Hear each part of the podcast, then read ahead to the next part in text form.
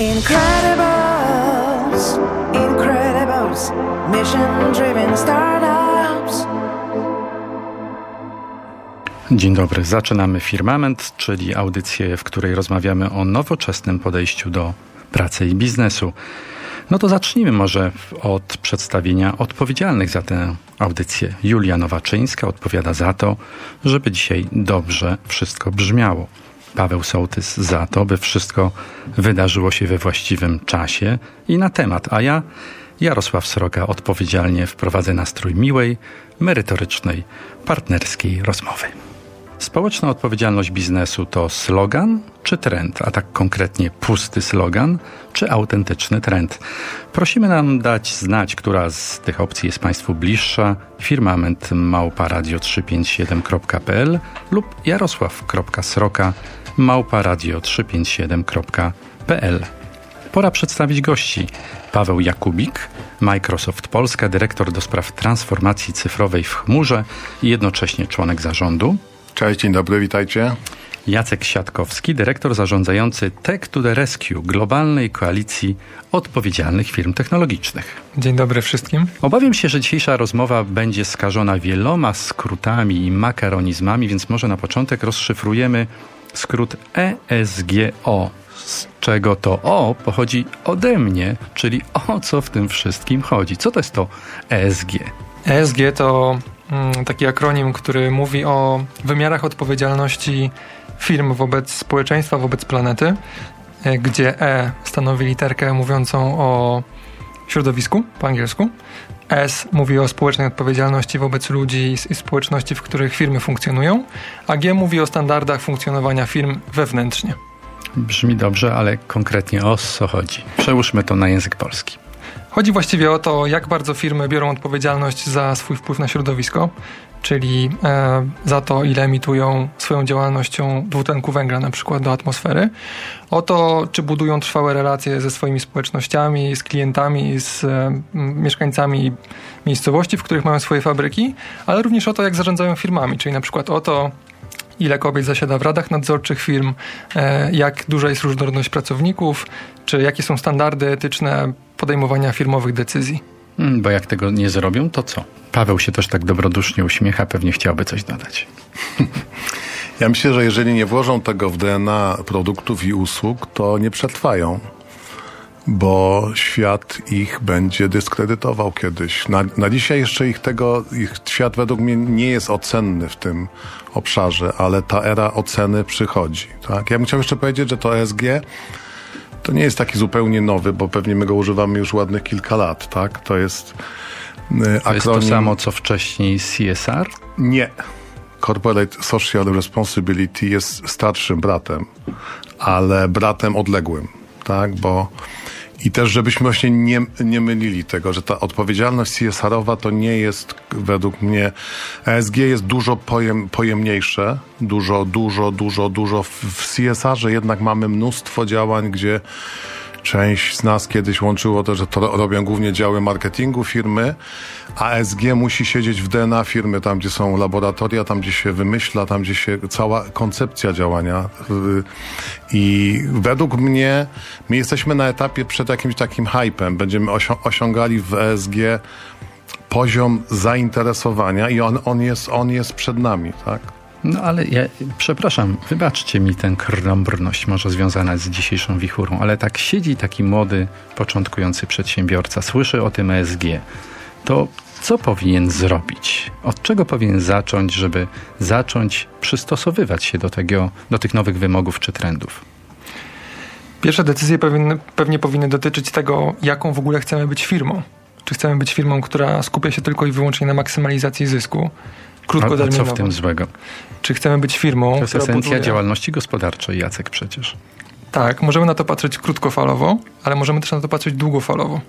Długofalowo patrząc, Wiemy, że firmy, które mają te standardy społecznej odpowiedzialności na wysokim poziomie, są wyceniane przez rynek wyżej. Pracownicy częściej chcą dla nich pracować, a nawet niektóre badania pokazują, że dla firm, które są społecznie odpowiedzialne, ludzie są w stanie zarabiać o 10-15% mniej, byle firma miała społeczną misję i byle pracownicy mieli poczucie, że poświęcając te 8-10 godzin w pracy czasem, jeżeli są ambitni i przywiązani do tego miejsca, zmieniają coś w świecie na lepsze.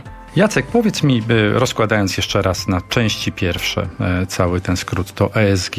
Takie podstawowe pierwsze kroki, które powinien zrobić przedsiębiorca w każdym z tych obszarów. Jeden, dwa. Tak, żebyśmy stworzyli taki samouczek dla naszych słuchaczy, żeby w sposób świadomy, świadomy mogli sobie spojrzeć na siebie i na to, co robią i na tej bazie ocenić, czy są choćby jedną stopą już w tym ESG, czy nie, czy jakim do tego daleko.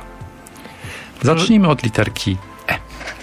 W obszarze środowiska pewnie pierwsza rzecz, którą każdy przedsiębiorca może zrobić bardzo szybko, to stworzyć sobie taki bardzo prosty na kartce białej długopisem model, jak moja firma wpływa na to środowisko.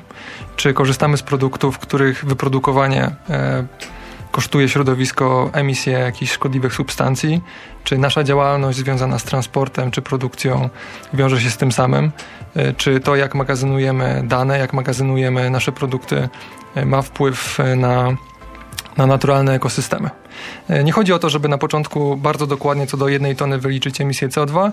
Pewnie wystarczy zbudować sobie świadomość na temat tego, w których miejscach ten wpływ jest najbardziej istotny i zacząć się zastanawiać, co mogę z tym zrobić. I łączymy się teraz z Krzysztofem Kuligiem, e, partnerem Innova Capital, funduszu Private Equity. Krzysztof, dzień dobry, czy jesteś z nami? Dzień dobry, jestem, witam. A gdzie cię zastaliśmy, Krzysztof?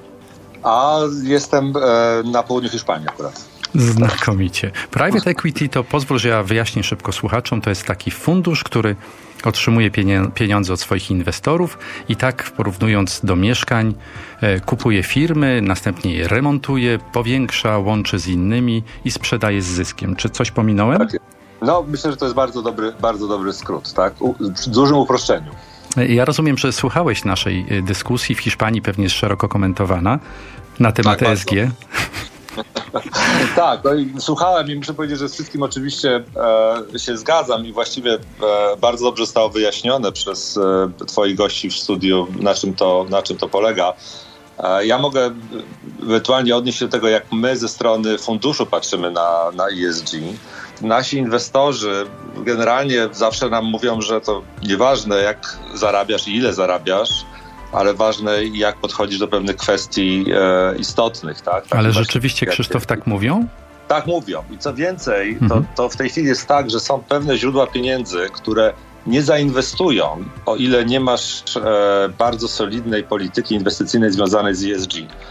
E, I co, co więcej jeszcze, tych pieniędzy, które są e, wrażliwe na ESG czy ESG, jest coraz więcej. Trzeba pamiętać, że private equity to tak naprawdę jest finansowany przez fundusze emerytalne. I te fundusze emerytalne gdzieś tam na górze też mają swoje bardzo ścisłe e, reguły co do ESG i o to wszystko jakby spływało w tym ekosystemie w dół. Tak? Czyli A same pieniądze... fundusze emerytalne są ESG i no, no mają, bez mają, oporów bierzecie no, od nich pieniądze? Tak, one też oczywiście mają swoje, swoją politykę. One mają bardzo wymagającą politykę w stosunku do tych menadżerów, którzy zarządzają pieniędzmi, które oni, oni przekazują to wszystko płynie z góry na dół, tak? ten, ten, ten obowiązek. My od pewnego czasu też mamy ten program ESG, który ocenia firmy w momencie, kiedy w nie inwestujemy, na jakim poziomie ryzyka są te wszystkie współczynniki. Oczywiście, jeśli te, e, te ryzyko dotyczące ESG w danej spółce jest zbyt duże, to wtedy nie, nie zainwestujemy. Tak? No nie będziemy inwestowali w, spółkę, która wydobywa węgiel, czy jest jakoś, jakoś powiązana z węglem, z alkoholem, z papierosami i tak dalej, to jest oczywiste. Natomiast jeśli, jeśli to jest, jeśli kupujemy taką spółkę, czy inwestujemy w nią, to na samym początku robimy bardzo duży audyt tego, jak, to, jak ta spółka się e, plasuje, jeśli chodzi o ESG. I tych e, ten audyt jest bardzo skomplikowany. Tam jest 100 pozycji, w których ta spółka jest oceniana od 1 do 10.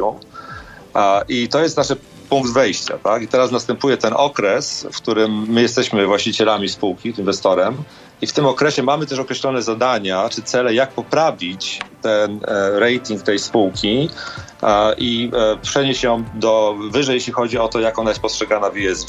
Czyli jak ją jest... przepoczwarzyć w bardziej odpowiedzialną firmę. Dokładnie. I to jest nie tylko społecznie dla nas ważne, czy jakby nie wynika tylko z tego, że my chcemy czynić dobro, ale również jest tym bardzo czysty e, e, czynnik ekonomiczny. To znaczy, jak wiesz, my te spółki po kilku latach sprzedajemy. Zwykle te spółki albo wchodzą na giełdę, albo są sprzedawane do większych inwestorów strategicznych, zwykle amerykańskich lub e, zachodniej Europy, którzy będą patrzyli, oni też będą oceniali te spółki, jak one wyglądają na poziomie ESG. I im większe będzie to, e, będzie, będą zaawansowane, jeśli chodzi o te, e, o te kwestie, tym będzie większa wycena. Także to jest jakby jest ten ekonomiczny rachunek, który jest w funduszach, który też zmusza nas do tego, żebyśmy patrzyli na to w ten sposób i przykładali dużą, dużą wagę. Czyli od, od momentu, kiedy chcemy pozyskać pieniądze od, od, od dużych inwestorów, do momentu wyjścia z tych spółek portfolowych i zrealizowania, zrealizowania zysków. Także to jest, to jest bardzo istotne w całym tym łańcuchu budowania wartości. A Krzysztof, jeszcze jedno pytanie, które tutaj e, automatycznie się nasuwa słuchając Ciebie. Czy to nie jest tak, że ten cywilizowany Zachód, e, bardzo szeroko rozumiany, nakłada sobie takie kolejne homonto na głowę, na kark, które ogranicza jego konkurencyjność globalną? Bo inwestorzy czy przedsiębiorcy azjatycy nie przejmują się, czy afrykańscy specjalnie ESG. Jaka jest Twoja ocena takiej, jaka jest Twoja diagnoza takiej sytuacji? Gdzie, gdzie jest ten konsument tak, tych produktów, które są wytwarzane w Afryce i, i w Azji?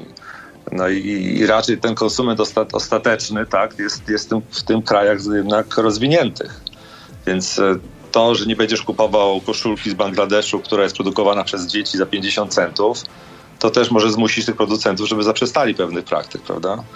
Więc ta rosnąca świadomość wśród tego ostatecznego konsumenta no, jednak jest dla mnie tą podstawową, taką fundamentalną siłą napędzającą całą te, te ESG globalnie. Krzysztof, bardzo serdecznie Ci dziękujemy. Proszę się bawić na tym południu Hiszpanii odpowiedzialnie i z godnością i jeszcze raz dziękuję za rozmowę. Dziękuję, dziękuję. Do widzenia.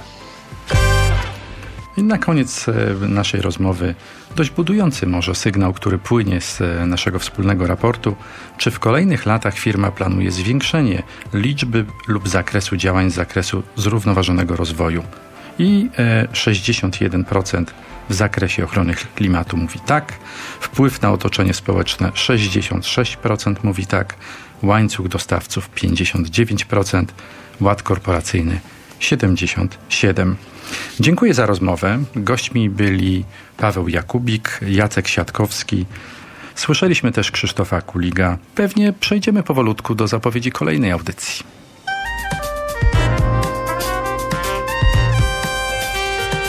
Firmament. Przypominam Państwu, że naszą audycję można odsłuchać w zakładce Twoje 357, a skróconą wersję również na stronach Incredibles i YouTube. Słyszymy się za dwa tygodnie, porozmawiamy wtedy o współczesnych wyzwaniach dotyczących rynku pracy, wypaleniu zawodowym, dochodzie bez zobowiązań, rzucania roboty bez pamięci. Julia Nowaczyńska, Paweł Sołtys, Jarosław Sroka. Do usłyszenia. Incredibles, mission driven startups.